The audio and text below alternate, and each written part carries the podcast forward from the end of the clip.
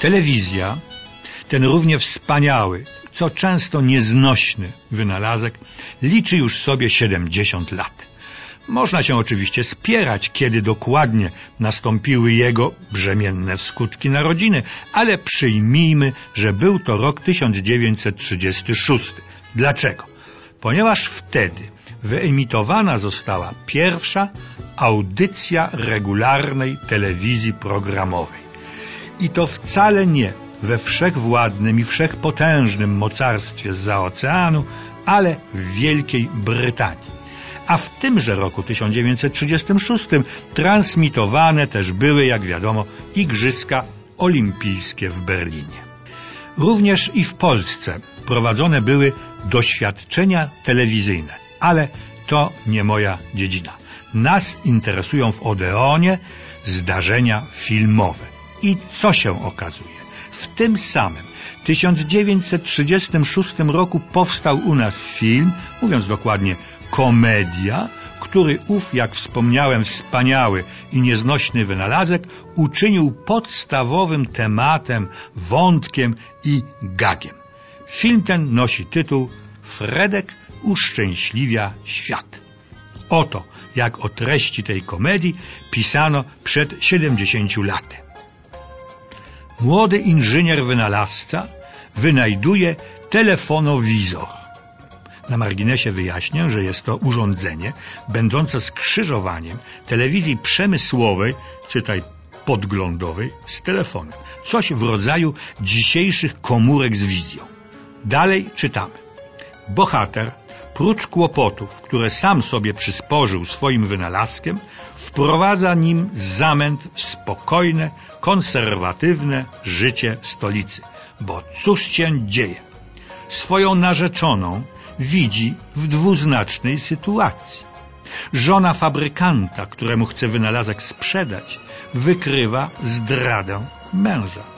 Telefonowizor zainstalowany w restauracji demaskuje same kłamstwa i niecne uczynki, to znaczy ordynarne oszustwa, polegające na, no znanym i dziś, na przykład dolewaniu wody do szlachetnych winnych trunków. Rzecz jasna, kłębią się w tym filmie, tym bardziej, że to komedia, rozliczne, mniej lub bardziej zabawne, nieporozumienia, konflikty, wszelakie kwi pro quo i tak dalej. W końcu Irma przeprasza się ze swoim narzeczonym, czyli z Fredkiem, Loda zaręcza się z Bolkiem, a siostra Lody z Jurkiem. Natomiast Fredek i Józek Bomba otwierają własny interes z telefonowizorami. Tytułowego Fredka gra Zbigniew Rakowiecki, zaś Józka Bombę Józef Kondrat. Nasz znakomity aktor Marek Kondrat jest bratankiem Józefa Kondrata, czyli Józka Bomby z filmu Fredek uszczęśliwia świat. O każdym z tych aktorów można napisać powieść całą.